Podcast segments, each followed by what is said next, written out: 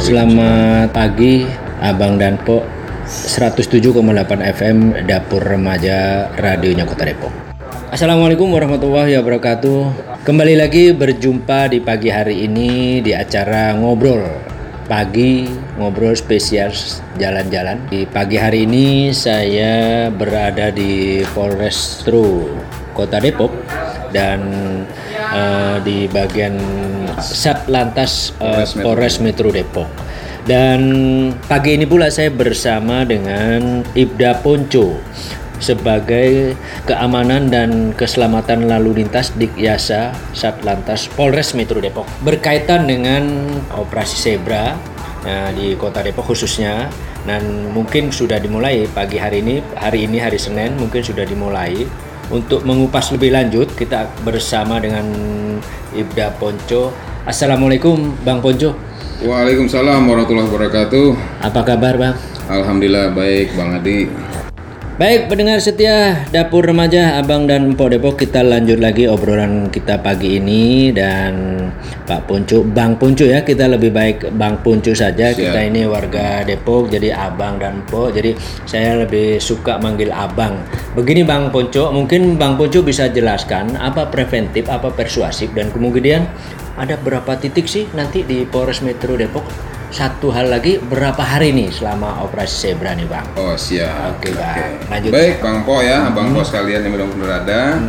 Jadi operasi Zebra 2022 ini mengedepankan kegiatan preemptif Iya. dan juga preventif Iya. serta didukung oleh pola penegakan hukum lalu lintas secara elektronik dengan menggunakan etle, statis dan juga mobile. Oke dan juga teguran serta tidak diperkenankan melaksanakan penegakan hukum lalu lintas secara stasioner. Oh, gitu ya, Jadi Bang, kalau ya. secara tadi pertanyaan dari Abang Bang Edi Ba- Mm-mm. bagi berapa titik, jadi memang tidak diperkenankan melaksanakan penegakan hukum lalu lintas ini secara stasioner. Jadi razia gabungan tadi tidak bisa dilaksanakan Mm-mm. karena sesuai dengan perintah dari Bapak Kapolri melalui Bapak Kakor Lantas oh. tidak diperkenankan melaksanakan penegakan hukum lalu lintas secara stasioner. Oke. Jadi mengedepankan di sini kegiatan operasi zebra, kegiatan preemptif dan preventif. Bisa dijelaskan nggak bang?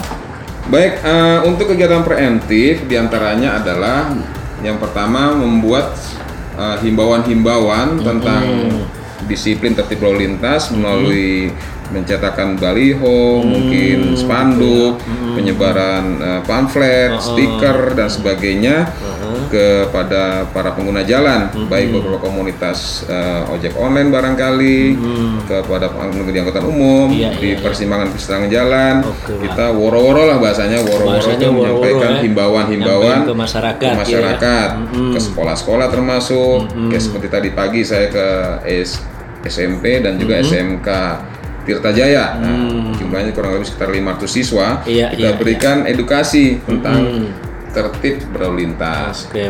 Kemudian untuk kegiatan lainnya preemptif, di samping penyuluhan sosialisasi himbauan di jalan-jalan dan juga ke beberapa komunitas, Mm-mm. ada kegiatan preemptif lainnya seperti saat ini. Apa ya kita Bang? sampaikan kepada masyarakat melalui media-media online, media cetak barangkali, Hmm. Iya. Hmm. media sosial dan sebagainya. Tujuannya adalah harapannya adalah bahwa ke depan masyarakat Kota Depok khususnya Iya. tertib dalam berlalu lintas Oke, dan menekan angka kecelakaan lalu lintas dan juga pelanggaran lalu lintas. Oke. Kemudian preventif apa sih ya? Kegiatan preventif itu lebih banyak kepada penjagaan, pengaturan lalu lintas di persimpangan-persimpangan jalan dan juga patroli. Ya. Nah, patroli dalam hal untuk mencegah terjadinya kecelakaan lalu lintas dan juga eh, kita pelanggaran lalu lintas. Oke, Nah, bila kedapatan dalam patroli eh, pelanggaran lalu lintas itu bisa juga ditilang. Oh gitu ya bang ya. Ini eh, operasi zebranya lengkap gitu bang? Ada Nah, dari Pol PP atau mungkin Operasi dari Disub? Zebra ini gabungan dari Oh, gitu, kepolisian negara Indonesia. Di dalamnya ada polisi lalu lintas, jadi semekernya ada sam- fungsi Samapta, Intel juga ada, dan Reskrim, dan satuan samping lainnya Satpol PP kita libatkan, dan juga dari teman-teman dari TNI, khususnya TNI Angkatan Darat. Oke. Biasanya di kita di Polres ini dengan Kodim, Oh. Ramil. Iya oke. Bang rencananya itu operasinya berapa hari bang? Operasi ini berlaksa dilaksanakan selama 14 hari atau 14 dua hari minggu. ya, Bang, ya? Mulai tanggal 3 eh, Oktober sampai dengan tanggal 16 Oktober. Bang bisa disebutin nggak bang di jalan mana aja nih bang biar masyarakat tahu nanti biar dia siap-siap nih bawa STNK, helm dan sebagainya kira-kira bisa disebut bang? Ada beberapa ini apa namanya pelanggaran nih yang Iya. jadi prioritas untuk, Nah. untuk untuk ditindak nih ya. Iya, iya, Berikan Bang. tindakan berupa teguran maupun dengan etle. Mm-hmm. Yang pertama di sini dalam surat Telegram Kapolri ada Mm-hmm. tujuh ya, tujuh prioritas pelanggaran. Hmm. Di antaranya yang pertama, pengemudi atau pengendara kendaraan bermotor yang menggunakan ponsel saat berkendara. Nah, dilarang ya bang ya? Nah, itu pelanggaran terhadap undang-undang, khususnya undang-undang nomor ya, 22 tahun 2009. Hmm. Tadi dalam pasal 283. Ya, sanksinya denda paling banyak Rp750.000 Iya. bila menggunakan handphone saat mengemudi. Oke. Itu yang Itu pertama. motor dan mobil ya? Motor dan juga mobil. Mobil. Nah, yang kedua, eh, prioritas pelanggaran berikutnya yang kedua adalah pengemudi dan pengendara kendaraan bermotor yang masih di bawah umur. Oh di bawah umur. Ya, dia pasti nggak punya SIM toh. Iya. Nggak punya SIM, ya pastinya ada diatur dalam Undang-Undang Nomor 229 Pasal 281 tidak dapat menunjukkan surat izin mengemudi. Berarti di bawah umur tuh 17 tahun ke bawah atau Yang jelas untuk Pak? umur eh, 17 tahun ke bawah dan 17 juga ke bawah? eh, Berarti yang 17 tahun ke atas. biasanya ya. para pelajar nih makanya Nah, tadi ini saya nih, datang, nih, ya. datang ke sekolah-sekolah Heeh. uh, untuk menyampaikan kepada para pelajar agar tidak menggunakan kendaraan bermotor pada saat mau berangkat atau pulang ke sekolah. Karena mereka masih di bawah umur pastinya belum memiliki SIM. Ya bila tidak memiliki SIM sanksinya ada denda paling banyak satu juta rupiah.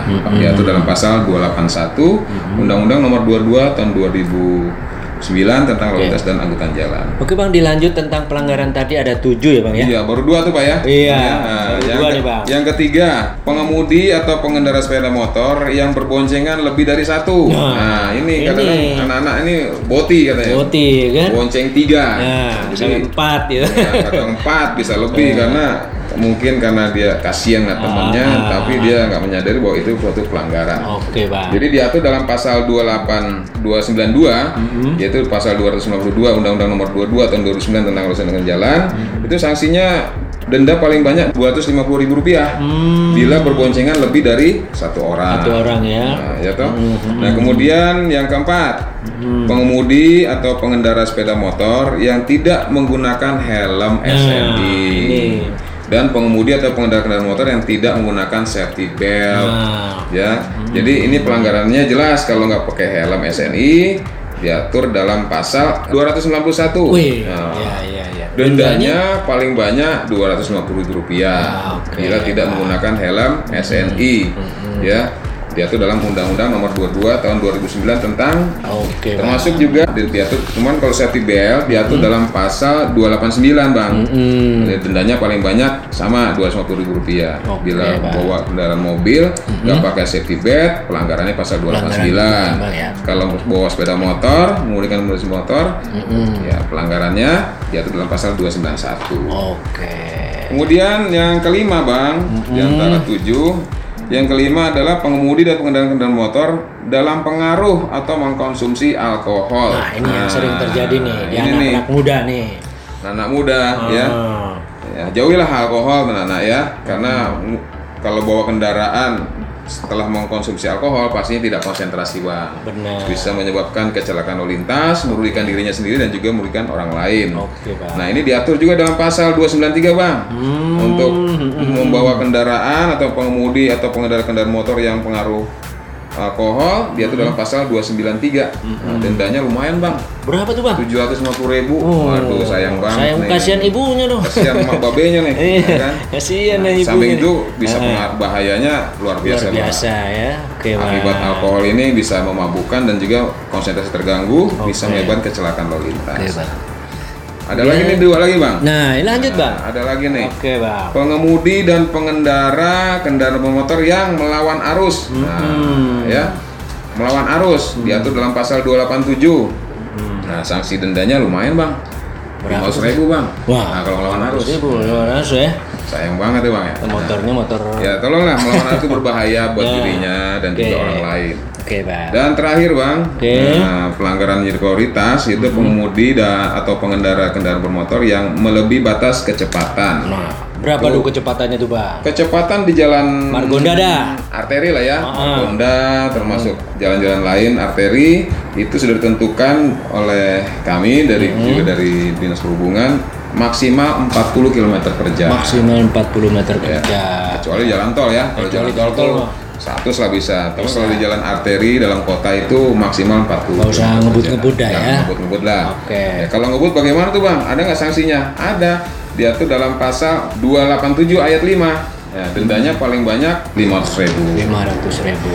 Dari kami demikian tujuh pelanggarannya. Baik pendengar setia Dapur Remaja Abang dan Po Depok itu tadi pelanggaran-pelanggaran juga sudah dijelaskan kemudian eh, apa namanya dendanya terus kemudian berapa titik dan bagaimana nanti operasionalnya juga sudah dijelaskan.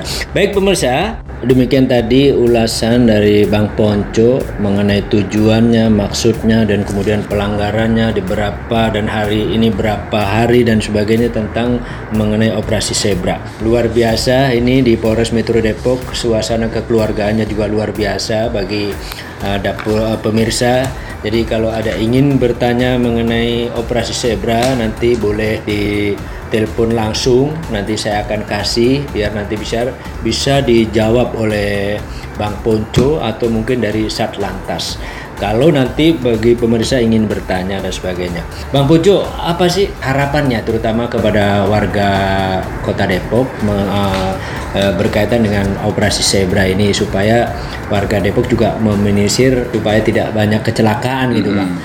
Baik abang pos kalian di di mana pun berada, eh, kami dari Satlantas Polres Metro Depok unit Kamsel mengharapkan kepada seluruh pemirsa dan juga para pendengar radio Da- dapur remaja ya, Iya, dapur remaja, Remaja. Abang dan Po abang Depok. dan Pok Depok. eh, harapannya jadilah pelopor keselamatan berlalu lintas Iya. dan budayakan keselamatan sebagai kebutuhan.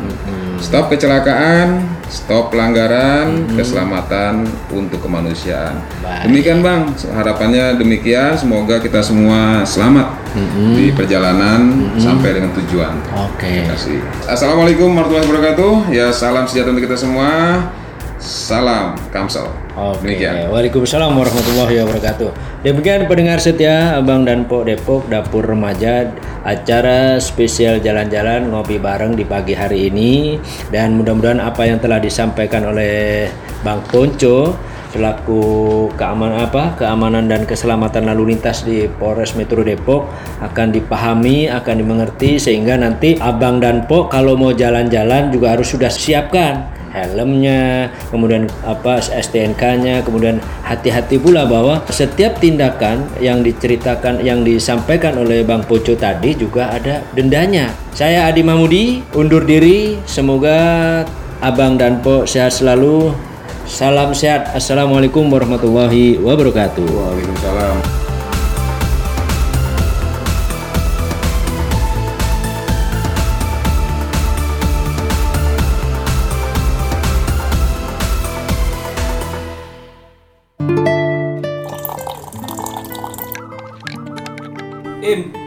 Pahit datang. Im, anterin gua yuk. Ada urusan penting nih. Mana Ji? Ke rumah temen gua. Pakai satu motor aja kali ya, biar irit bensin. Iya Im, pakai motor gua aja. Lu yang bawa ya. Sekalian nanti kita mampir ke pom bensin. Tapi lu yang bayar. Hah?